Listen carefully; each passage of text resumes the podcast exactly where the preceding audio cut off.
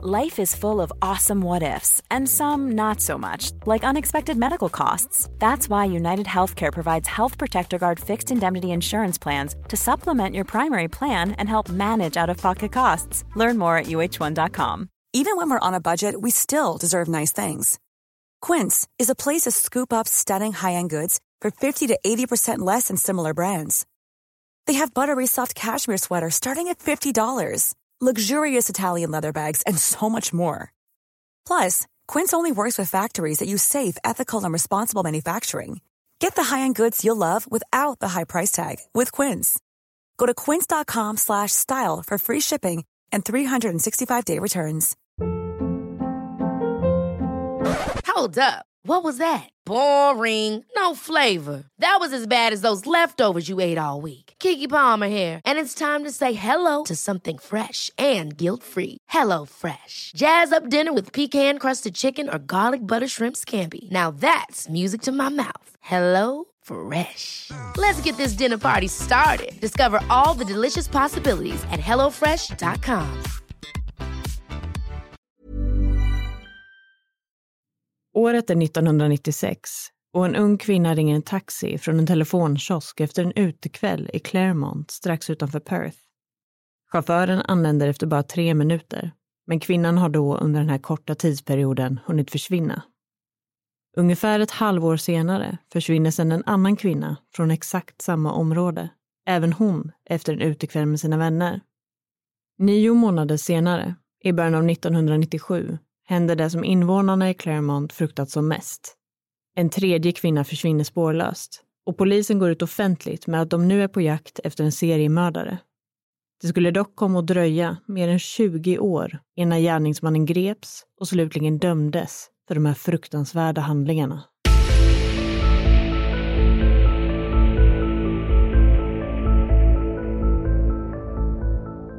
Hej och varmt välkomna ska ni vara till säsong 3 av Rysapodden. Nu har det ju dessutom blivit ett helt nytt år och vad passar då bättre än en helt ny säsong med en massa nya avsnitt? Ja, och vi hoppas att ni inte har hunnit glömma bort oss helt, även om det har varit väldigt tyst från vår sida ett bra tag nu. Så om någon skulle ha glömt bort vem som är vem av oss så kan vi ju passa på att påminna er om att det var Annie som pratade alldeles nyss och jag som pratar nu är alltså Mikaela. Men jag tänker väl att nu tar vi och går rakt in på själva ämnet för det här avsnittet. Eller vad säger du? Ja, men det tycker jag. För eh, den här veckan ska vi nämligen prata om ett fall som brukar kallas för The Claremont Serial Killings. Och själva namnet i sig kombinerat med det ni fick höra i intro till avsnittet ger nog faktiskt en ganska bra överblick kring vad det här fallet handlar om. Ja, och i ärlighetens namn så hade vi knappt hört talas om det här och hade definitivt inte förstått hur pass omtalat det här fallet var innan vi fick det som ett tips från en av våra lyssnare.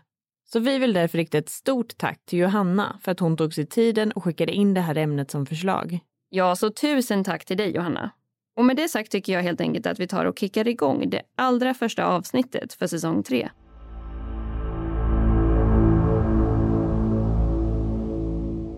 Det här fallet utspelade sig som sagt under sent 90-tal i staden Perth i Australien. Det här är den största staden och officiella huvudorten för delstaten Western Australia och ligger alltså på andra sidan landet från de mer välbesökta städerna Sydney och Melbourne. Idag har Perth en befolkning på ungefär 2 miljoner och i slutet av 90-talet låg den här siffran på ungefär 1,2 miljoner. Det som är lite speciellt med Perth är faktumet att det är en relativt stor stad, men att den samtidigt ligger så pass isolerad som den gör. Western Australia är verkligen en enorm delstat som tar upp nästan halva landets yta. Men den enda stora staden är just Perth. Vill man sedan ta sig till en annan större stad därifrån så är det Adelaide som är närmast och då är det fortfarande ett par timmar med flyg. Av just den här anledningen så brukar Perth därför kallas för världens mest isolerade fastlandsstad. Trots det här faktumet så har Perth tack vare sitt behagliga och soliga klimat, imponerande stränder och avslappnande atmosfär under väldigt många år haft en stadig inströmning av turister från världens alla hörn. Ungefär en halvtimmes bilfärd från stadskärnan i Perth så ligger den charmiga lilla förorten Claremont. Här bor ungefär 7000 personer och runt om i staden finns mängder av små butiker, kaféer, barer, nattklubbar och restauranger. Claremont har alltid ansetts vara en väldigt trygg liten förort med låg brottslighet. Men den här känslan skulle dock för alltid komma att förändras i januari år 1996 och Claremont skulle senare bli känt som platsen för en av Australiens mest omtalade och utdragna brottsutredningar. Man skulle kunna säga att hela det här fallet började fredagen den 26 januari 1996. Just det här datumet firas Australia Day, som är den officiella australienska nationaldagen. Det här är en dag där de allra flesta är helt lediga och själva firandet börjar ofta redan under morgonen eller förmiddagen för att sedan fortsätta under dagen, kvällen och ända in på småtimmarna. 18-åriga Sarah Spears valde att spendera den här dagen på ett event tillsammans med några vänner i Kings Park som ligger precis utanför centrala Perth. Sarah hade en väldigt nära relation till sin äldre syster Amanda och de bodde tillsammans i en lägenhet i den södra delen av Perth. Systrarna spenderade inte Australia Day tillsammans, men Amanda hade däremot gått med på att skjutsa runt Sarah och hennes vänner under kvällen. Hon släppte först av dem vid utestället Ocean Beach Hotel i området Cottesloe som ligger precis intill Claremont. Ungefär runt midnatt möttes de upp igen och Amanda körde då Sarah och hennes vänner till en nattklubb i Claremont som heter Club Bayview. Det här var ett av de mest populära och välbesökta uteställena i området på den här tiden om man skulle ut och festa i Claremont så var det oftast hit man valde att bege sig, eller ett annat närliggande ställe som hette The Continental Hotel. Vid ganska exakt klockan två den här natten, eller snarare tidig morgon, så började Sarah känna sig redo att bege sig hemåt. Planen var dock inte att Amanda skulle köra hem henne, utan att hon skulle boka en taxi för att ta sig hem.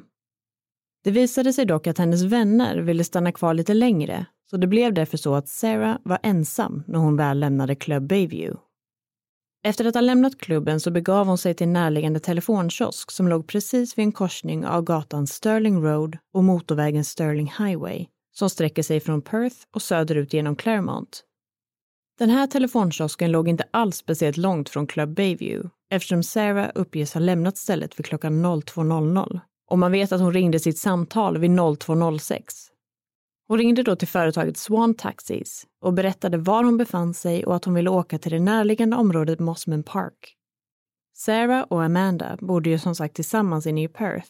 Men enligt uppgift så ska en kompis till Sarah tidigare ha erbjudit henne att sova där istället eftersom det var betydligt närmare och en kortare taxiresa från Claremont. Strax efter 02.06, när Sarah hade ringt och bokat sin taxi, så körde en bil fram till korsningen där hon befann sig i den här bilen så befann sig tre unga killar och de stannade till eftersom att det fanns ett trafikljus där. Medan de väntade på grönt ljus så kunde de inte låta bli att notera Sarah. Hon var en ung tjej i deras egna ålder som stod alldeles ensam vid det här gathörnet mitt i natten. Enligt uppgift så ska de här killarna ha funderat över om det var läge att kolla om hon var okej okay innan de åkte vidare. Men de beslutade sig för att det säkert inte var någon fara. I samband med att det blev grönt ljus och de körde ut på Sterling Highway så noterade de i backspegeln att en annan bil körde upp bakom dem och såg ut att stanna till i närheten av platsen där Sarah befann sig. Återigen så ska de ha reflekterat över om de skulle vända tillbaka och kolla om hon var okej. Okay. Men de tänkte då igen att det är nog ingen fara och åkte därifrån. Som sagt så ansågs ju Claremont vara en trygg och lugn liten förort där brott inte var speciellt vanligt förekommande och man kan ju såklart också tänka sig att de utgick ifrån att hon väntade på skjuts och att bilen bakom var den eller de personerna som skulle hämta upp henne. Vid klockan 02.09 anlände taxin som Sarah hade bokat och det här var alltså bara tre minuter efter att hon hade ringt taxibolaget. De hade nämligen en chaufför precis i närheten eftersom det hade varit Australia Day och det var väldigt mycket folk ute just den här natten. Men själva området där den här telefonkiosken låg var en liten bit bort från alla klubbar och barer och det var därför betydligt lugnare och mer folktomt där. När taxichauffören anlände vid 02.09 så ska han ha begett sig till den exakta platsen som Sarah hade uppgett i sitt samtal. Han kunde dock inte hitta henne där och cirkulerade därför runt ett tag i hopp om att hitta henne någon annanstans i närheten. Men Sarah verkade vara spårlöst försvunnen och han fick till slut ge upp och bege sig iväg till nästa körning. Det ska dock sägas att polisen i efterhand har sagt att det såklart finns en möjlighet att Sarah kan ha befunnit sig i området vid den här tidpunkten, men att hon och taxichauffören olyckligt nog råkade missa varandra av någon anledning. Det var väldigt mörkt vid den här tidpunkten och med tanke på att det här var en bit bort från själva huvudgatan så fanns det inte heller speciellt mycket gatubelysning just vid den här korsningen. Men det här var ju som sagt väldigt tidigt under lördagsmorgonen den 27 januari och senare under helgen insåg systern Amanda och resten av familjen Spears att någonting måste ha hänt Sarah. Det var nämligen extremt ovanligt och inte alls likt Sarah att inte höra av sig. Hon brukade alltid informera antingen sin familj eller sina vänner om vad hon gjorde och vad hennes planer var. Men ingen verkade nu veta var hon befann sig. Sarah anmäldes försvunnen hos polisen som ganska direkt insåg att det här var en högst oroväckande och alarmerande situation.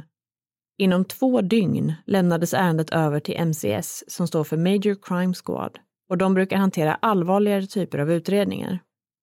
Parallellt med själva utredningen begav sig Sarahs familj och vänner ut på gatorna i Claremont och Perth för att dela ut tiotusentals posters med information och bild på Sarah men det ledde dessvärre inte till några fler ledtrådar eller svar.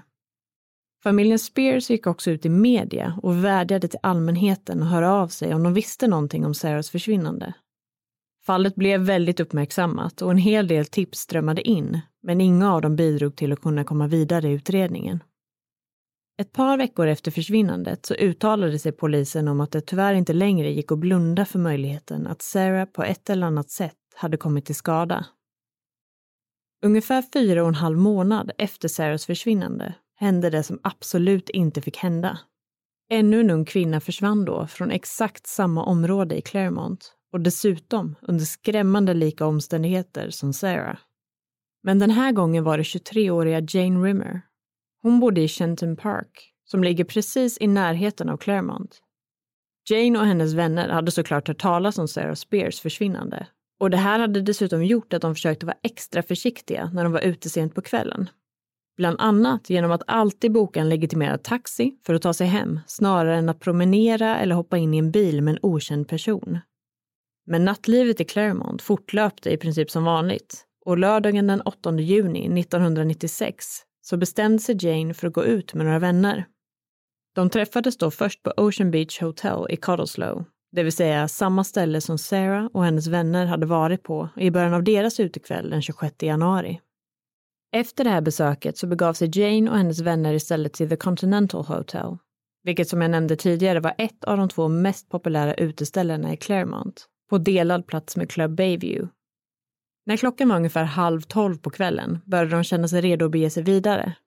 De bestämde sig då för att promenera den korta sträckan bort till Club Bayview som låg precis i närheten och om någon skulle ha glömt av den här detaljen så var ju det här alltså exakt samma ställe som Sarah Spears var på strax innan hon försvann. När Jane och vännerna kom fram till klubben så visade det sig dock vara oväntat lång kö och de bestämde sig därför för att runda av kvällen och bege sig hemåt. I samband med det här så gick Janes vänner iväg för att ringa en taxi. Men av någon anledning så följde Jane inte med då, utan hon promenerade istället tillbaka till The Continental Hotel och ställde sig och väntade utanför entrén där. Efter en stund så passerade den taxin som hennes vänner hade bokat och de stannade då till och frågade om hon inte skulle följa med hem. Men i det här ögonblicket ska Jane enligt uppgift ha svarat att hon gärna ville stanna och vara ute en stund till. Hennes vänner ska då ha antagit att Jane kanske skulle möta upp någon och att hon kanske planerade att gå hem med en kille, men att hon bara inte ville säga det. Och nu när vi ändå är inne på det här ämnet så ska det sägas att det finns inspelat material från en övervakningskamera precis utanför entrén till The Continental Hotel. Det vill säga just precis den platsen där vännerna sa hej då till Jane och hon senast sågs till. I den här inspelningen så ser man Jane stå ensam utanför entrén och man kan se att hon har på sig sin axelremsväska och att hon bär på sin jacka. På de här bilderna så kan man se en hel del personer som kommer och går och rör sig runt omkring entrén där Jane står. Det här var ganska exakt runt midnatt mellan lördagen den 8 juni och söndagen den 9 juni. Så det var ju fortfarande en del folk ute. Men det som är tydligt i den här inspelningen är att det verkligen ser ut som att Jane väntar på något, eller någon. Hon står nämligen och kollar lite runt omkring sig hela tiden och då och då kollar hon dessutom ner på sin klocka. Det här klippet är bara några minuter långt, men efter ett tag så ser man att Jane får syn på en kille som kommer fram till henne. Man ser bara den här personen bakifrån, så det är därför väldigt svårt att bedöma något alls kring hans utseende. Men han ser i alla fall ganska så ung ut. Som sagt ser man honom bara bakifrån, men däremot så ser man Jane framifrån när hon får syn på den här killen. Hennes reaktion är då extremt tydlig, även om kvaliteten på den här inspelningen inte är den bästa. Men det man kan se är då att Jane plötsligt får världens största leende på läpparna och det ser ut som att hon blir väldigt glatt överraskad av att se den här personen. De pratar en kort stund och sen försvinner han ur bild och Jane står då kvar själv igen. Sen byter kameran vinkel i ungefär 30 sekunder. Och när kameran återigen byter tillbaka till den tidigare vinkeln så är Jane helt plötsligt inte kvar i bilden längre. Hon är då helt borta och man vet alltså inte hur hon försvann från platsen och vilket håll hon begav sig åt. Polisen släppte dock inte informationen om att det här inspelade materialet existerade förrän år 2008, alltså drygt 12 år senare. Vi kommer såklart att komma in mer på själva utredningen lite senare, men just den här detaljen kändes helt enkelt mer relevant att ta upp redan nu snarare än senare i avsnittet. Senare den här dagen, alltså söndagen den 9 juni, så hade Jane planerat att besöka sina föräldrar. Men hon dök då aldrig upp och det här skapade direkt en stark oro hos familjen Rimmer. Även de hade ju hört talas om Sarah Spears försvinnande som hade ägt rum bara ett par månader tidigare. Jane beskrivs som en väldigt ansvarsfull person och hon uppges ha ringt och pratat med sina föräldrar i telefon på daglig basis. Så precis som med Sarah så visste familjen direkt att något måste ha hänt Jane under den här kvällen när hon hade varit ute. Så fort de insåg det här så kontaktade de polisen för att rapportera henne som försvunnen. Polisen insåg ganska så direkt att det måste finnas en koppling mellan de här två försvinnandena och de började redan vid det här laget misstänka att de hade att göra med en serieförbrytare och i värsta fall en seriemördare. Det här var dock ingenting som annonserades ut bland allmänheten eftersom man var rädd att det skulle skapa panik. Däremot uppmanades befolkningen och speciellt unga kvinnor att vara extra försiktiga. Polisen annonserade däremot att de valt att sätta ihop en tillägnad arbetsgrupp, en så kallad task force, med syfte att utreda de två fallen kring Sarah och Janes försvinnanden. Den här arbetsgruppen fick namnet Macro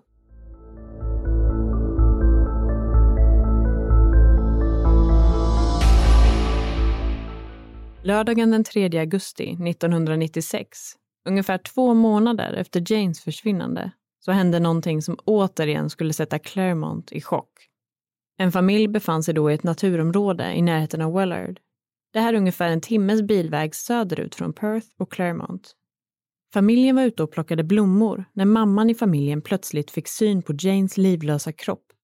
Enligt uppgift ska hon i det här ögonblicket ha ropat på sin man och han ska då ha försökt ta henne därifrån för att de skulle ringa polisen. Men hon ska då ha vägrat att låta henne ligga där helt ensam en enda sekund till och hon stannade därför vid Janes sida tills dess att polisen kom dit. Jane var naken när hon hittades och de allra flesta av hennes kläder och tillhörigheter uppges ha varit försvunna. Med tanke på att kroppen hade legat ute i naturen under en längre tid så var den såklart inte i speciellt bra skick och man fick därför använda sig av tandavtryck för att med säkerhet kunna identifiera att det var Jane. En rättsmedicinsk obduktion utfördes men polisen gjorde ett aktivt val om att inte gå ut med några som helst detaljer kring hennes skador eller själva dödsorsaken. Givetvis hade man ju misstänkt att någonting fruktansvärt kunde ha hänt både Sarah och Jane i samband med att de försvann. Men nyheten om att det nu var bekräftat att Jane Rimmer faktiskt hade blivit mördad och att man hade hittat kroppen gjorde att panik och oro spred sig som en löpeld runt om i Perth och framför allt i Claremont. Det här blev såklart förgörande för Janes familj och det gav ju tyvärr inte heller något vidare hopp till Sarahs anhöriga, även om hennes kropp inte hade hittats ännu. Arbetsgruppen Macro fortsatte utredningen kring Sarah och Janes fall men det skulle sedan inte dröja speciellt länge innan ännu ett försvinnande ägde rum i Claremont. Den här gången var det 27-åriga Kira Glennon. Hon arbetade som jurist och bodde i Mossman Park som ligger precis i närheten av Claremont. Kira hade precis kommit hem till Australien igen efter att ha rest omkring i Europa under en längre period. En av anledningarna till att hon kom hem just vid den här tidpunkten ska ha varit eftersom att hennes syster skulle gifta sig senare den här månaden och Kiera skulle då vara brudtärna.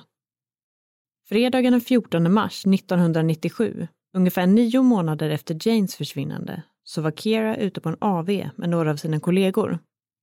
Efter ett par drinkar så bestämde de sig för att gå till The Continental Hotel, alltså utestället som Jane befann sig på strax innan hon försvann och där hon fångades på kamera utanför entrén.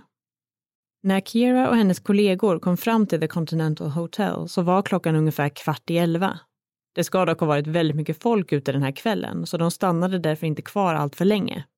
Så en dryg halvtimme senare bestämde sig Kira för att det var dags att runda av kvällen och hon lämnade därför stället runt kvart över elva. Hon började sedan bege sig längs med Sterling Highway och det här är ju samma väg som korsade Sterling Road där Sarah Spears senast sågs till efter att hon hade ringt och bokat en taxi. Samtidigt som Kiera vandrade längs med Sterling Highway så ropade några killar på henne från en busskur där de satt och väntade. De ska då enligt uppgift ha frågat om hon planerar att lyfta och sagt att hon var galen om hon hade tänkt göra det. Det här ska dock ha varit med en ganska så skämtsam ton och Kiera verkade inte speciellt brydd av det de sa och promenerade sedan vidare söderut. Killarna i busskuren höll på att prata och skoja med varandra, så de var inte speciellt fokuserade på vad som hände runt omkring dem. Men efter en stund så noterade de att Kira befann sig en bra bit bort på Sterling Highway och att det såg ut som att hon pratade med föraren i en bil. På grund av att de befann sig ganska så långt bort så kunde de dessvärre inte se någon registreringsskylt eller vilken typ av bil det var, utan det enda de har uppgett är att det var en ljusfärgad bil. De ska dock inte ha reagerat speciellt mycket på det de såg eftersom att det verkade som ett normalt samtal. Killarna blev sedan distraherade och började prata om annat igen och nästa gång de kollade upp så var både bilen och Kira borta. Men med tanke på att de inte såg vad som hände är det ju svårt att veta om hon hade hoppat in i bilen eller fortsatt gå längs med vägen och att det var därför de inte längre kunde se henne i mörkret. Men det här skulle senare visa sig vara sista gången som någon sett Kira och redan dagen efter insåg hennes familj att hon var försvunnen och anmälde det till polisen. Vid det här laget så började paniken i Perth, Claremont och andra närliggande förorter att eskalera till helt nya nivåer. Polisens arbetsgrupp Macro gick ut offentligt och sa att de nu var övertygade om att det här var verket av en seriemördare som fortfarande befann sig på fri fot. Ett helt samhälle sattes i skräck och folk gjorde allt de kunde för att ingen skulle behöva gå själv någonstans, även under dagtid. Speciellt unga kvinnor blev tilldelade information om hur man kunde minimera riskerna när man var ute.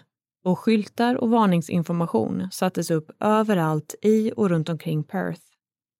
Tiotusentals posters delades ut med Kieras namn och information på och samtalen strömmade in till polisen. Vid det här laget så hade paniken och paranoian spridit sig så pass mycket att invånare började ringa in och tipsa om sina egna partners, familjemedlemmar och arbetskollegor. Läget var såklart allra värst i Claremont eftersom att samtliga tre kvinnor hade försvunnit därifrån inom loppet av lite mer än ett år. Det ska också sägas att det här var ytterst ovanligt i just det här området. Claremont var ett relativt välbärgat område och ansågs som sagt vara oerhört tryggt och den generella attityden bland både invånare och besökare på den här tiden beskrivs ha varit i stil med att äsch inget kan väl hända här. Kort efter Kieras försvinnande så gick regeringen i Western Australia ut med en hittelön på 250 000 australiensiska dollar för information som kunde leda till ett gripande av den så kallade Claremont serial killer. Det här var dessutom den överlägset största summan som utlovats för en hittelön vid den här tidpunkten. Den 3 april 1997, det vill säga 19 dagar efter Kieras försvinnande, så var en man i 25-årsåldern ute och jobbade i ett avlägset naturområde i Eglinton. Det här är ungefär 40 minuters bilväg norrut från Perth och Claremont. När han befann sig där ute så fick han helt plötsligt syn på en kvinnokropp i ett område med massa låga träd och buskar. Det här skulle senare visa sig vara Kira Glennon. Enligt uppgift ska hon till skillnad från Jane ha varit påklädd, men däremot saknades hennes jacka, skor och handväska. Mannen larmade polisen direkt och i samband med att de anlände till platsen så bad de honom att skriva på ett sekretessavtal. Polisen ville nämligen säkerställa att han inte skulle berätta något om vad han hade sett och i vilket skick Kiras kropp hade befunnit sig i. Precis som i Janes fall så valde polisen återigen att inte gå ut med någon information om varken skador eller officiell dödsorsak. Och det här är faktiskt någonting som var lite speciellt med just den här utredningen. Alla som arbetade inom arbetsgruppen Macro var nämligen tvungna att skriva på ett oerhört strikt sekretessavtal. Självklart är det ju alltid en väldigt hög nivå av sekretess inom polisen och i normala fall också. Men just för den här utredningen uppges det ha varit på en helt annan nivå. I alla fall utifrån vad som annars brukade gälla i Australien under slutet av 90-talet. Bland annat fanns det regler om att man endast fick lov att prata om fallet med de andra poliserna som var en del av Macro och absolut inte med sina andra kollegor. Man fick dessutom bara lov att prata om utredningen på ett fåtal specifikt utvalda och säkra platser. Om två poliser som båda två jobbade med fallet stod helt själva utanför stationen så fick de till exempel inte prata om det ändå. Utan då var de helt enkelt tvungna att bege sig till en av de här säkerhetsplatserna innan de kunde säga någonting till varandra om just den här utredningen. Anledningen till att polisen valde att hålla allting så pass hemligt och att överlag dela ovanligt lite information till allmänheten ska ha varit att de inte ville dra till sig felaktiga eller påhittade erkännanden. De ville helt enkelt behålla viktiga detaljer för sig själva för att kunna avgöra om en person faktiskt visste någonting eller om de bara hittade på. Och det här resonemanget kan man ju givetvis både förstå och respektera. Men det här så kallade hemlighetsmakeriet ledde dessvärre till att både media och allmänheten började spekulera desto mer och att falska rykten utan någon egentlig substans började cirkulera. Och det här bidrog ju såklart inte till att det blev en lugnare stämning runt omkring i Perth och framförallt inte i Claremont. Men polisen stod ju nu inför en väldigt stor utmaning i att försöka spåra och gripa gärningsmannen eller gärningsmännen som låg bakom de här fruktansvärda handlingarna.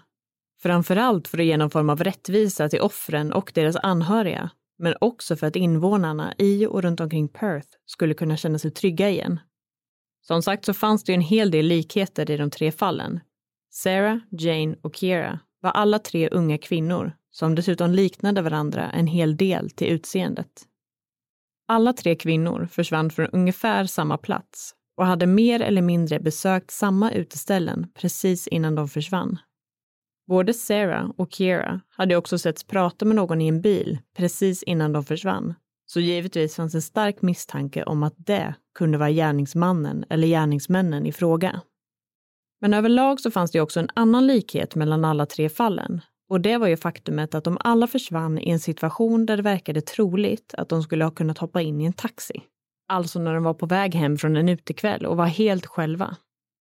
På grund av det här riktades en hel del uppmärksamhet och fokus på taxichaufförerna i och runt omkring Perth. De här misstankarna började redan efter Sarahs försvinnande eftersom man visste att hon hade ringt en taxi innan hon försvann, men sen inte fanns på plats när chauffören väl anlände. Kanske hade hon inte orkat vänta på den taxin som hon hade beställt och hoppade in i en annan taxi som råkade köra förbi. Eller kunde det kanske ha varit en person som utgav sig för att vara taxichaufför, men inte alls var det och på så vis hade lyckats lura in kvinnorna i bilen utan större problem. Både i Sarah och Kieras fall hade ju vittnen sett en okänd bil i närheten av där de befann sig precis innan de försvann. På grund av de här starka misstankarna gentemot taxichaufförer så valde polisen att utföra DNA-tester på en skala som aldrig tidigare hade skådats i Australien man valde nämligen att samla in saliv och fingeravtryck från alla de tusentals taxichaufförer som var registrerade i delstaten Western Australia. Det här ledde till att man upptäckte en hel del chaufförer som körde utan en giltig taxilegitimation och att man implementerade ett betydligt striktare regelverk för taxiindustrin. Utöver det kunde polisen såklart utesluta väldigt många personer från själva utredningen. Men dessvärre hittade man inte en enda person som kunde ses som misstänkt eller ens av intresse i fallet. Under hösten 1997 fick polisen däremot upp ögonen för en helt annan person som skulle komma att bli huvudmisstänkt i det här fallet under väldigt många år. Det här var en man i 40-årsåldern som hette Lance Williams. Han fångade polisens uppmärksamhet eftersom att de noterade att han brukade köra runt i Claremont under sena kvällar och nätter. Lance körde en vit bil och utförde exakt samma rutin flera kvällar i veckan och framförallt under helgerna. När han var ute och körde kunde han cirkulera runt ett visst område i Claremont upp till 30 gånger samma kväll. Det här väckte som sagt en hel del uppmärksamhet och misstanke hos polisen och de började därför bevaka honom. Vid den här tidpunkten så hade arbetsgruppen Macro ett stort antal kvinnliga poliser som jobbade under täckmantel. Deras uppgift var att agera lockbete genom att vandra omkring i Claremont ensamma sent på kvällen och natten. Det här gjordes såklart under kontrollerade former och deras kollegor befann sig då i närheten och bevakade situationen. Förhoppningen med den här insatsen var att gärningsmannen skulle göra ett försök att plocka upp någon av de här kvinnorna i sin bil och att de på den vägen skulle kunna få fast honom. I början av 1998 lyckades polisen äntligen få till just den här situationen. Lance ska då ha passerat en av de kvinnliga poliserna på en gata i Claremont och hon gick fram till hans bil för att fråga om han möjligtvis visste var närmaste busstation låg. Lance ska enligt uppgift ha sagt att hon inte borde gå till busstationen helt ensam och att han gärna kunde köra henne dit. Hon hoppade då in i bilen och Lance släppte sedan av henne vid stationen. När han hade gjort det ska han ha sagt att hon inte borde åka buss ensam med tanke på allt som hade hänt i Claremont och att det inte var säkert. Men hon ska då ha sagt att det inte var någon fara och till slut åkte han därifrån. Så med andra ord lyckades inte polisen med att sätta dit honom just den här kvällen. Men de ansåg fortfarande att han betedde sig väldigt märkligt och valde därför att ta in honom på förhör. Det här förhöret uppges ha hållit på i ungefär 15 timmar och det skulle absolut inte bli det sista förhörstillfället heller.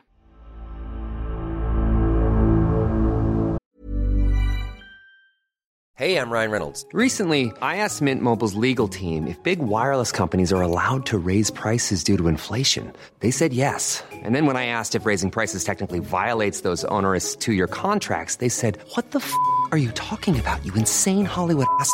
So to recap, we're cutting the price of Mint Unlimited from $30 a month to just $15 a month. Give it a try at mintmobile.com slash switch. $45 up front for three months plus taxes and fees. Promo for new customers for limited time. Unlimited more than 40 gigabytes per month. Slows. Full terms at mintmobile.com. Planning for your next trip? Elevate your travel style with Quince. Quince has all the jet-setting essentials you'll want for your next getaway. Like European linen, premium luggage options, buttery soft Italian leather bags, and so much more and it's all priced at 50 to 80% less than similar brands. Plus, Quince only works with factories that use safe and ethical manufacturing practices. Pack your bags with high-quality essentials you'll be wearing for vacations to come with Quince. Go to quince.com slash trip for free shipping and 365-day returns. Quality sleep is essential. That's why the Sleep Number smart bed is designed for your ever-evolving sleep needs. Need a bed that's firmer or softer on either side? helps you sleep at a comfortable temperature? Sleep Number smart beds let you individualize your comfort so you sleep better together. JD Power ranks Sleep Number number 1 in customer satisfaction with mattresses purchased in-store. And now, save 50% on the Sleep Number limited edition smart bed for a limited time. For JD Power 2023 award information, visit jdpower.com/awards. Only at a Sleep Number store or sleepnumber.com. Arbetsgruppen Macro blev nämligen extremt fokuserade på Lance Williams och de var helt övertygade om att det var han som var the Claremont serial killer. De valde därför att övervaka Lance dag och natt under flera års tid. Till en början var det en hemlig operation och de gjorde det på ett väldigt diskret sätt. Men allt eftersom tiden gick blev de mer och mer öppna kring faktumet att de förföljde och övervakade Lance. Vart han än gick så fanns de där och till slut var Lance själv fullt medveten om vad som pågick. Och det här kan man ju såklart ifrågasätta eftersom att det inte känns speciellt troligt att man skulle begå någon form av brott om man visste att man var bevakad av polisen i princip dygnet runt. Men det här pågick i alla fall under flera år och under tiden som Lance övervakades så inträffade inga fler försvinnanden eller mord i Claremont. Men utöver det faktumet fanns det inte speciellt mycket konkret för polisen att använda sig av för att kunna bekräfta att det faktiskt var Lance som låg bakom de här hänsynslösa brotten. Och man skulle kunna djupdyka i väldigt många saker i det här fallet, varav en av dem är just Lance Williams.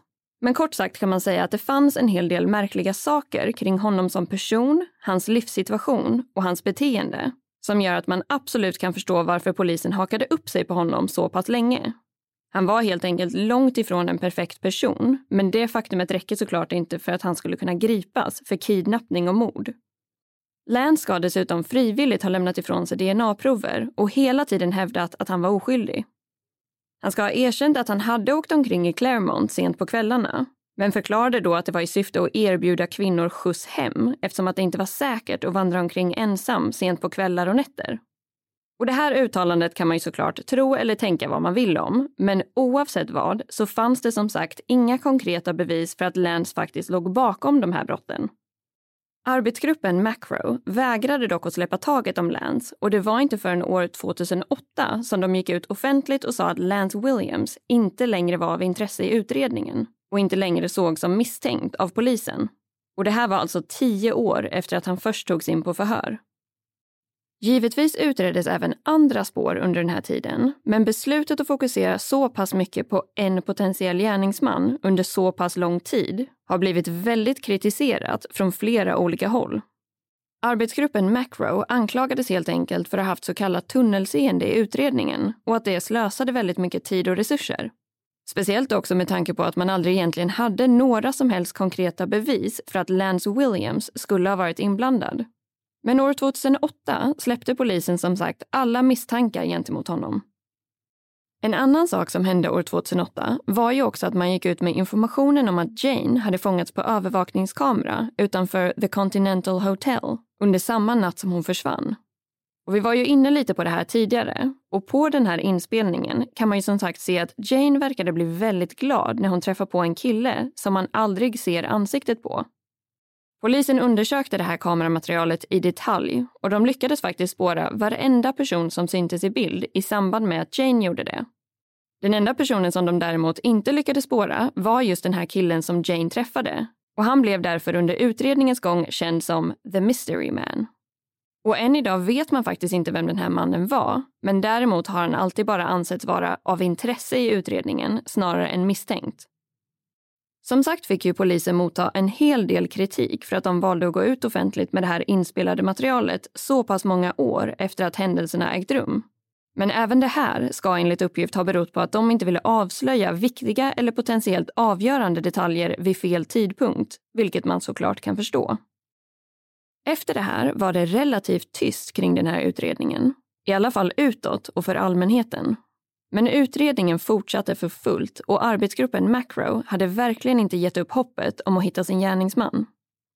I slutet av 2016 hände sen det som man har väntat på i drygt 20 års tid. Polisen kallade då till presskonferens och gick ut med information om att de nu hade gripit en man som misstänks vara the Claremont serial killer. Det här var den då 47-åriga Bradley Robert Edwards han arbetade som tekniker för Telstra som är det överlägset största telekombolaget i Australien. Lite som Telia här hemma i Sverige skulle man kunna säga. Han hade också ett stort intresse för datorer, dataspel och teknik överlag. På fritiden jobbade han gratis som administratör för ett idrottsprogram för barn och tonåringar. Med andra ord var Bradley alltså en man med ett bra och stabilt jobb som dessutom ägnade sig åt volontärarbete för barn på den lilla fritid han hade. Och rent spontant kan man ju då tänka sig att det verkar oerhört märkligt att en sån här typ av person helt plötsligt skulle få för sig att börja kidnappa och mörda unga kvinnor. Men det här beteendet hade faktiskt börjat långt tidigare och hade sen bara eskalerat mer och mer med tiden. Bradley växte upp i förorten Huntingdale som ligger strax utanför Perth och när han var i tonåren började olika incidenter att äga rum i området.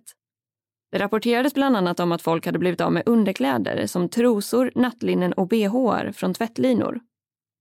År 1988, när Bradley var 19 år gammal, så attackerade han en jämnårig tjej som bodde i Huntingdale. Han hade då lyckats ta sig in i hennes sovrum och attackerade henne bakifrån medan hon sov. Och hon hann därför aldrig se vem det var. Bradley ska enligt uppgift ha försökt stoppa in en tygtrasa i munnen på den här tjejen, men när hon sen började skrika, slå tillbaka och göra motstånd bestämde han sig istället för att fly från platsen. Allt det här gick såklart väldigt snabbt och han råkade därför lämna efter sig en silkeskimono. Och på det här plagget fanns det spår av hans sperma. Utöver den här händelsen rapporterades flera andra incidenter runt om i Huntingdale.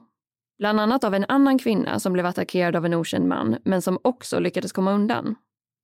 Enligt uppgift ska hon ha beskrivit att den här mannen som attackerade henne hade haft på sig ett nattlinne och ett par trosor som täckte ansiktet. Den här mystiska mannen som härjade runt i området fick senare smeknamnet The Huntingdale Prowler. Och ordet prowler används ju ofta som benämning på en person som smyger omkring i syfte att begå någon form av brott. När Bradley var i början av 20-årsåldern påbörjade han sin karriär inom Telstra han utbildade sig till tekniker och blev tilldelad utrustning som tjänstebil och arbetskläder. I maj 1990 var han ute på ett jobbrelaterat ärende på ett sjukhus i Perth som heter Hollywood Hospital. Under tiden som han var där smög han sig på en kvinnlig socialarbetare bakifrån, höll handen över hennes mun och försökte dra iväg henne till en av de närliggande toaletterna. Lyckligtvis kunde kvinnan ta sig loss innan något ännu värre inträffade och hon anmälde sedan händelsen till polisen. Bradley blev då dömd för common assault, vilket innebär att offret eller den utsatta upplever ett starkt hot även om misshandel eller faktisk kroppslig skada inte ägt rum. Han fick dock inget fängelsestraff för det här utan dömdes istället till två års skyddstillsyn. Den här kvinnan valde senare att säga upp sig från sitt jobb på sjukhuset eftersom hon mådde så pass dåligt efter den här traumatiska upplevelsen. Men Bradley däremot fick behålla sitt jobb som tekniker på Telstra och hade en lång och lovande karriär framför sig inom företaget. Och då ska man också komma ihåg att den här incidenten på sjukhuset inträffade när han var ute på uppdrag hos en kund. Men livet rullade på för Bradley och år 1991 träffade han sin första fru. Ett par år senare visade det sig däremot att hon hade haft en affär med en man som paret delade bostad med. Så med andra ord hade de alltså en hel del äktenskapliga problem vid den här tidpunkten. Under en kväll i februari 1995 var en 17-årig tjej ute i Claremont med några vänner. När hon sen promenerade hem blev hon plötsligt attackerad bakifrån och nerslängd på marken av en okänd man. Han använde sig sen av telefonkabel för att binda ihop hennes händer och fötter. Utöver det täckte han över hennes ansikte med en påse och tryckte in en strumpa i hennes mun. Därefter bar han iväg henne till sin bil och körde till Karakata Cemetery, en kyrkogård som ligger strax utanför Perth. Väl på plats våldtog han henne och lämnade sen kvar henne fastbunden och halvnaken på kyrkogården. Enligt uppgift ska han nämligen ha blivit bortskrämd av röster i närheten och valde därför att fly därifrån. Den här 17-åriga tjejen ska sen mirakulöst nog ha lyckats ta sig upp och till ett närliggande sjukhus för att få hjälp.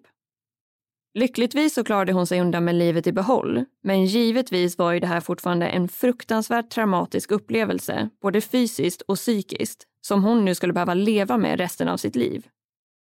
När hon väl kom fram till sjukhuset och berättade vad som hade hänt bestämde sig personalen för att använda ett så kallat rape kit som är vanligt förekommande när man misstänker att sexuella övergrepp har ägt rum.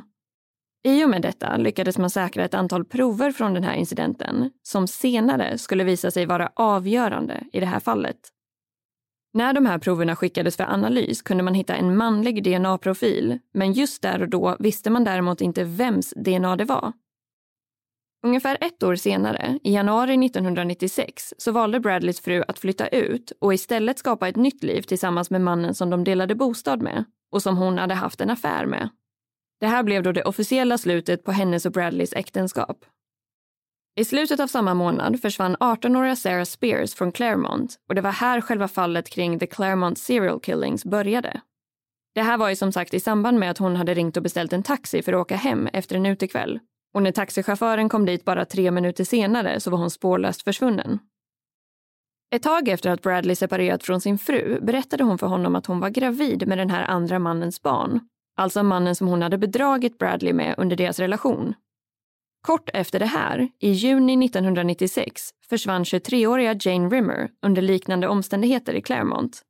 Och det var ju Jane som inte ville åka hem med sina vänner och som syns prata med en okänd man på det inspelade kameramaterialet utanför The Continental Hotel.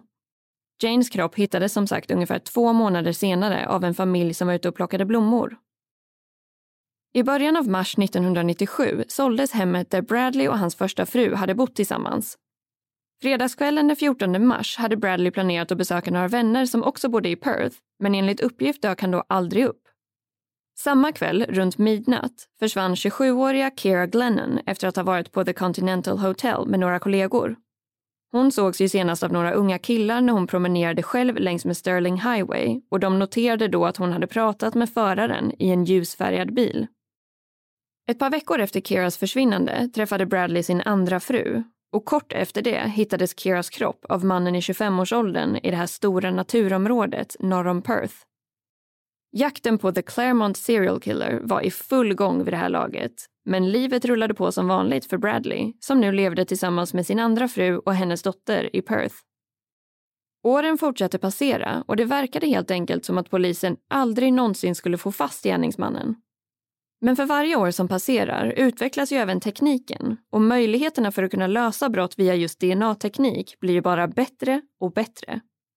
Polisen i Australien valde därför att skicka iväg ett antal utvalda prover för vidare analys i Storbritannien. Där hade man nämligen vidareutvecklat och förfinat något som kallas för LCN testing. Förkortningen LCN står för Low Copy Number och om vi nu har förstått alla vetenskapliga termer korrekt så innebär detta att man via den här metoden kan få fram värdefull information kring DNA även om man har betydligt mindre material att utgå ifrån än normalt. Det innebär i princip att man kan få fram en DNA-profil från exempelvis några enstaka hudceller och storleksmässigt kan det här handla om en miljondel av ett saltkorn. Den här tekniken har varit enormt framgångsrik och har bidragit till att man har kunnat lösa otaliga gamla fall som tidigare klassats som så kallade cold cases. Så en mängd olika prover och material skickades alltså iväg hela vägen till Storbritannien för att testas och analyseras av deras experter. Och år 2008 skedde det som i Claremont-utredningen ofta beskrivs som the Eureka moment. Det vill säga just det ögonblicket när allt helt plötsligt började falla på plats. Då lyckades man nämligen få fram en manlig DNA-profil från hudceller som hade fastnat under fingernaglarna på det tredje och sista offret, alltså 27-åriga Kira Glennon. Troligtvis hade det här inträffat genom att hon antingen medvetet eller omedvetet hade rivit gärningsmannen som attackerade henne.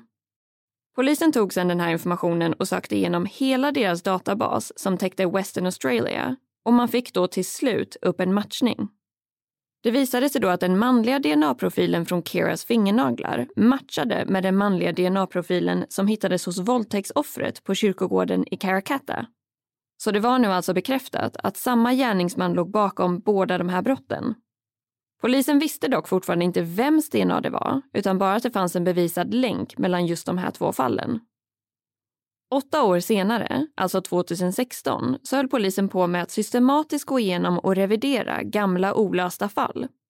Det här var ett rutinarbete som man ägnade sig åt och var alltså inte specifikt kopplat till Claremont-utredningen. Man testade nämligen gamla bevisföremål på nytt med förhoppningen om att man med hjälp av nyare teknik skulle kunna få fram en DNA-profil. I samband med det här arbetet lyckades man då lite av en slump få fram en manlig DNA-profil från ett bevisföremål som tillhörde ett fall som inträffade i Huntingdale år 1988. Det här bevisföremålet var en silkeskimono och DNA-profilen kunde man nu på senare år få fram via de spermafläckar som fanns kvar på plagget. Och som ni kanske minns så hade ju Bradley attackerat en jämnårig kvinna i hennes sovrum och då råkat lämna efter sig den här kimonon. Den här DNA-profilen matchade dessutom DNA från de två andra brotten, alltså mordet på Kira och våldtäkten på kyrkogården. Så nu fanns det med andra ord en länk mellan alla tre fallen. DNA-profilen från den här kimonon lyckades till slut leda polisen vidare till ett fingeravtryck som Bradley hade lämnat när han greps av polis. Och det här var då i samband med att han attackerade den kvinnliga socialarbetaren på sjukhuset år 1990. Det här var den absolut största framgången hittills i utredningen och arbetsgruppen Macro hade nu äntligen lyckats få fram ett namn på mannen som kallades The Claremont Serial Killer. Och det här namnet var Bradley Robert Edwards.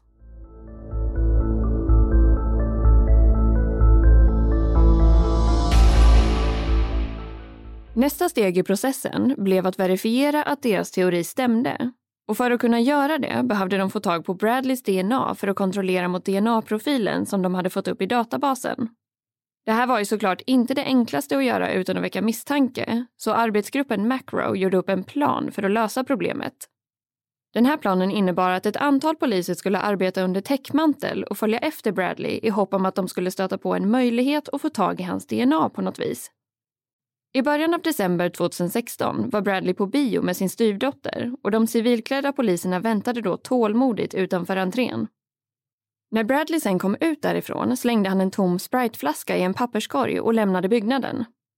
Poliserna plockade sen upp den ur papperskorgen och använde sig av salivprover från den här flaskan för att få fram hans DNA-profil. Och den matchade då positivt med DNA-profilen från våldtäktsoffret i Karakatta, spermafläckarna på kimonon från Huntingdale-attacken och hudcellerna som hittats under Kira Glennons fingernaglar. Deras plan hade med andra ord gått i lås och de hade nu en bekräftad gärningsman. Tidigt på morgonen den 22 december år 2016 slog tungt beväpnade poliser till mot Bradleys bostad i Kewdale utanför Perth. Han togs direkt in på förhör medan polisen spenderade flera dagar med att noggrant söka igenom hela hans bostad.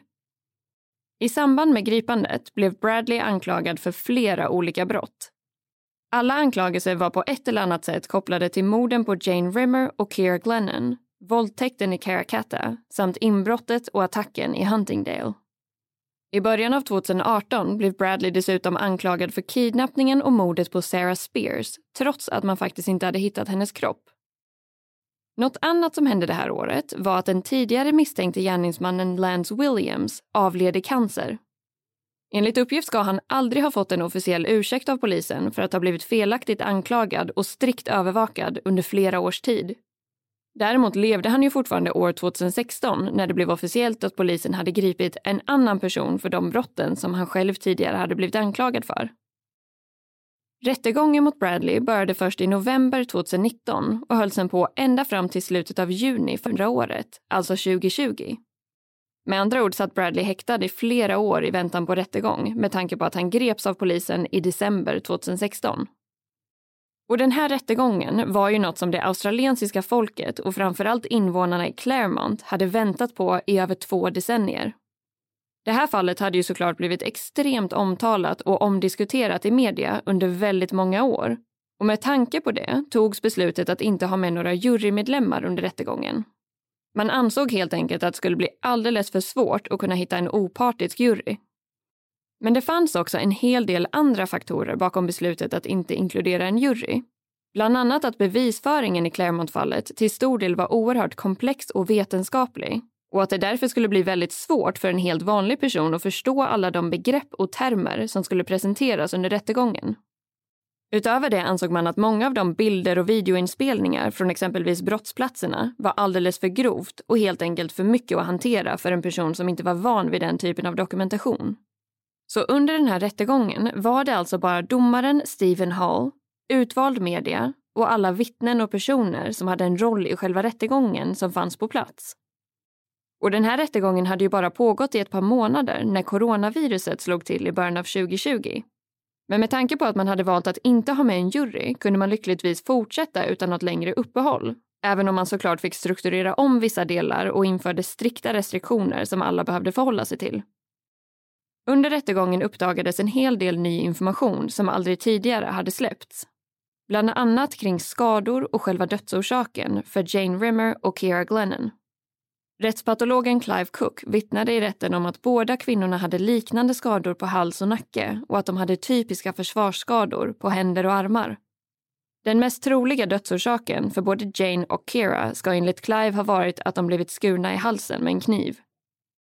Det uppdagades också att man inte hade hittat någonting som tydde på att varken Jane eller Kira hade blivit våldtagna innan sin död.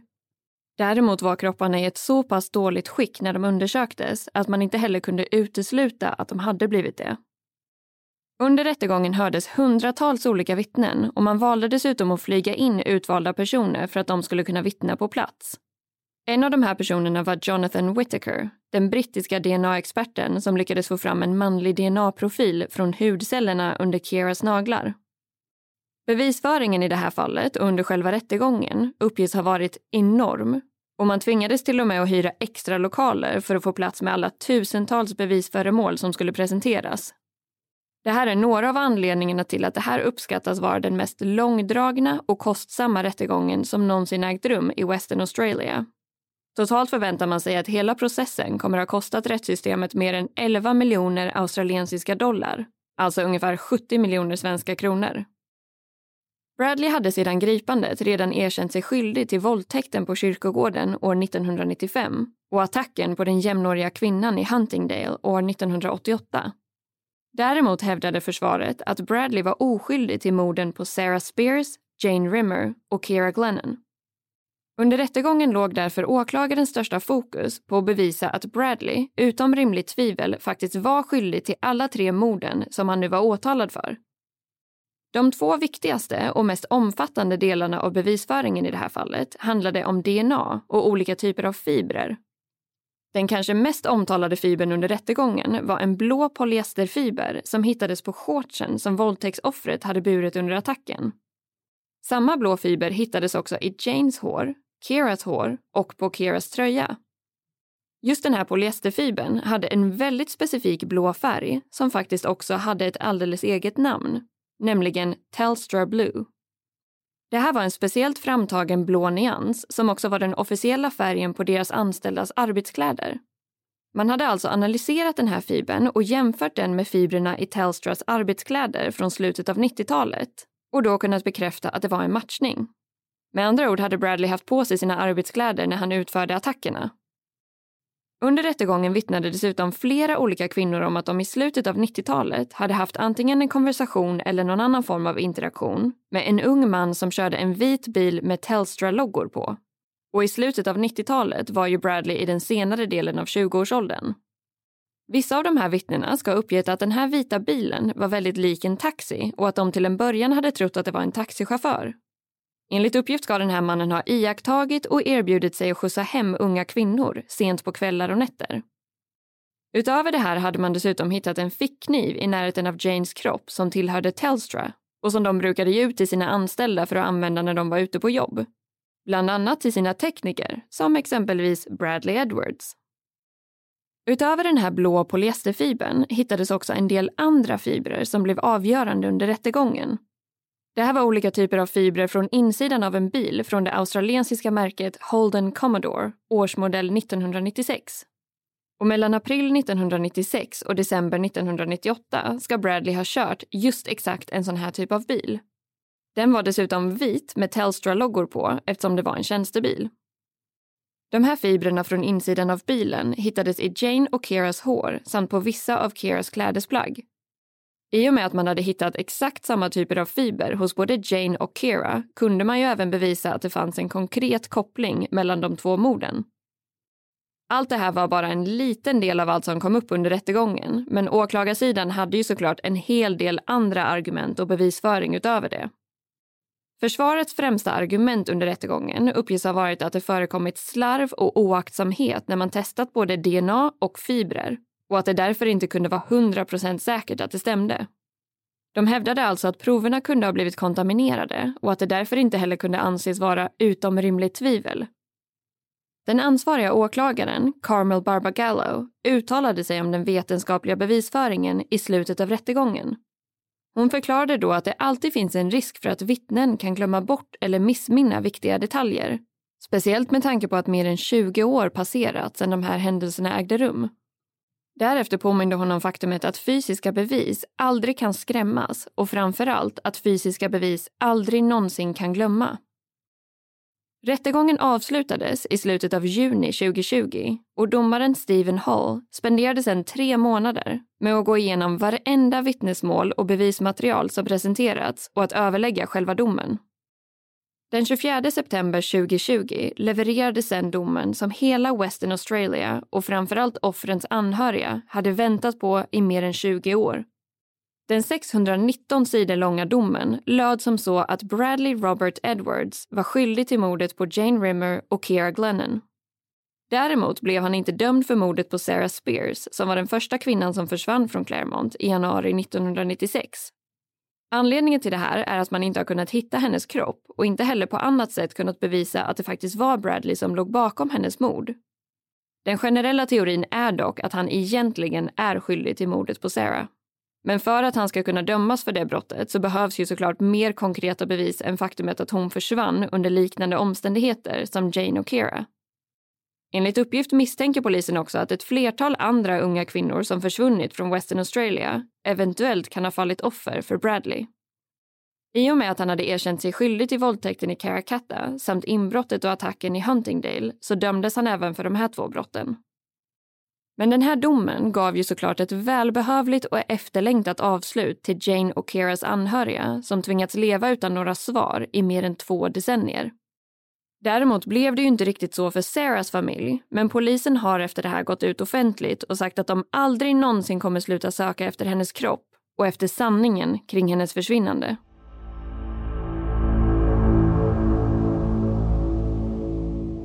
Ja, man kan absolut konstatera att det är helt galet att man efter mer än 20 år lyckades få fast den här fruktansvärt hemska människan. Även om det tog väldigt lång tid så kan man ju verkligen glädjas åt att det i alla fall hände till slut. Och att de flesta av offrens anhöriga fortfarande var vid liv när domen föll i september förra året. Jag tänker att det finns väldigt många seriemördare där ute som tyvärr aldrig åker fast eller ens hamnar på polisens radar. Ja, och det ska ju verkligen sägas att den här arbetsgruppen, Macro, såklart har tagit emot beröm och hyllningar för att de lyckades få fast gärningsmannen. Men också en hel del kritik för hur själva arbetet gick till under utredningen. Och det som de kanske har fått mest kritik för är ju det faktumet att de valde att lägga så otroligt mycket tid och resurser på Lance Williams Och att det eventuellt tog fokus från andra viktiga detaljer och spår som faktiskt var värda att undersöka. För de hade ju som sagt inga konkreta bevis för att han faktiskt var inblandad, men ändå vägrade de att släppa taget om honom. Men som sagt hittade de i alla fall rätt till slut, och tur var väl det. Eller en blandning av tur och skicklighet kanske är mer rättvist att säga. Verkligen. Och som alltid är det ju såklart väldigt enkelt att kritisera utredningar efteråt när man sitter där med facit i hand. Men jag kan ju inte heller låta bli att bli nyfiken. Bara för att vi läser så otroligt mycket om sådana här fall och just seriemördare är ju en grupp för sig kan man ju tycka. Jag blir nyfiken på om själva målgruppen på offer gjorde någon skillnad i den här utredningen. Hade man satsat så här stort på att få fast mördaren om offren inte hade varit unga vita kvinnor i ett välbärgat område? Nu kanske jag öppnar upp för en diskussion här, men ponera att offren istället hade varit prostituerade kvinnor med en historik av missbruk. Hade man upptäckt att Bradley ens fanns då? Ja, alltså sorgligt nog så finns det väl en ganska stor chans att man som seriemördare lättare kommer undan om man väljer att sikta in sig på offer som av olika anledningar inte skapar lika mycket uppmärksamhet vid ett försvinnande. Men som du säger hade det nog tyvärr inte spenderat så pass mycket tid, pengar och resurser om offren hade haft en annan typ av profil och bakgrund. Och det är ju såklart väldigt bra att den här utredningen och rättegången blev så här pass prioriterad och att man fick fast gärningsmannen till slut. Men samtidigt är det ju också väldigt tragiskt när man tänker på hur pass lite resurser vissa andra utredningar får. Ja, så är det ju faktiskt. Men om man ska återgå lite till Bradley Robert Edwards så finns det ju en annan sak som är väldigt intressant i hans agerande. Och det är ju också att det känns som att han verkligen följer de här klassiska stegen för att bli en seriemördare. Där han börjar med att stjäla underkläder som utvecklas till att attackera och sen kidnappa och våldta för att slutligen mörda. Han verkar ju också ha haft väldigt specifika triggers som fick honom att tappa kontrollen totalt. Jag tänker på att de morden som vi känner till, alla ägde rum i samband med att något stort hände i hans eget liv. Och med tanke på att det säkerligen inte var de enda motgången han stötte på i livet, så kan man ju såklart undra hur mycket han kan ha gjort som man faktiskt inte vet om. Ja, tyvärr är det nog väldigt sannolikt att det finns flera andra offer där ute, precis som polisen själva har uttalat sig om. Men Bradley blev alltså dömd för de här brotten i slutet av september 2020 och fick sitt straff tilldelat den 23 december 2020. Det här avsnittet är däremot inspelat lite tidigare, så av den anledningen kan vi faktiskt inte här och nu i den här studioinspelningen uttala oss om vad hans slutgiltiga straff blev. Men med tanke på att han dömdes för det som kallas willful murder så uppges det att Bradley per automatik kommer att dömas till livstidsfängelse. Däremot finns det en teori om att han eventuellt skulle kunna dömas till livstidsfängelse utan möjlighet till frigivning, vilket är ett extremt ovanligt straff i Australien. Ja, och det här skulle i så fall innebära att Bradley aldrig någonsin kommer kunna släppas på fri fot igen. Men hur det än blir så kommer Bradley i alla fall att tilldelas ett väldigt långt fängelsestraff. Och med tanke på att han är runt 50 år gammal idag så kommer han troligtvis spendera större delen av sitt kvarvarande liv i fängelse, även om han nu skulle få livstid med möjlighet till frigivning. Men jag tänker att vi kan ta och lägga in en länk i själva avsnittsbeskrivningen där man kan klicka sig vidare och läsa exakt vilket straff han fick i slutändan, om man nu skulle vara intresserad av det. Ja, det ska vi nog absolut kunna ordna. Men trots att det här såklart är ett väldigt tragiskt och tungt fall att ta del av så hoppas vi ändå att ni har tyckt att det varit intressant. Och framförallt hoppas vi såklart att ni nu känner er manade att fortsätta lyssna på resten av säsongen. För vi tycker i alla fall att det är väldigt härligt att vara tillbaka igen och att återigen få vara med på jobbet eller när ni viker tvätt eller på promenaden eller vart ni än lyssnar. Så i vanlig ordning hörs vi igen redan nästa måndag. Och innan vi försvinner iväg här vill vi som alltid skicka med ett stort tack för att just du har lyssnat på det här avsnittet av Rysapodden.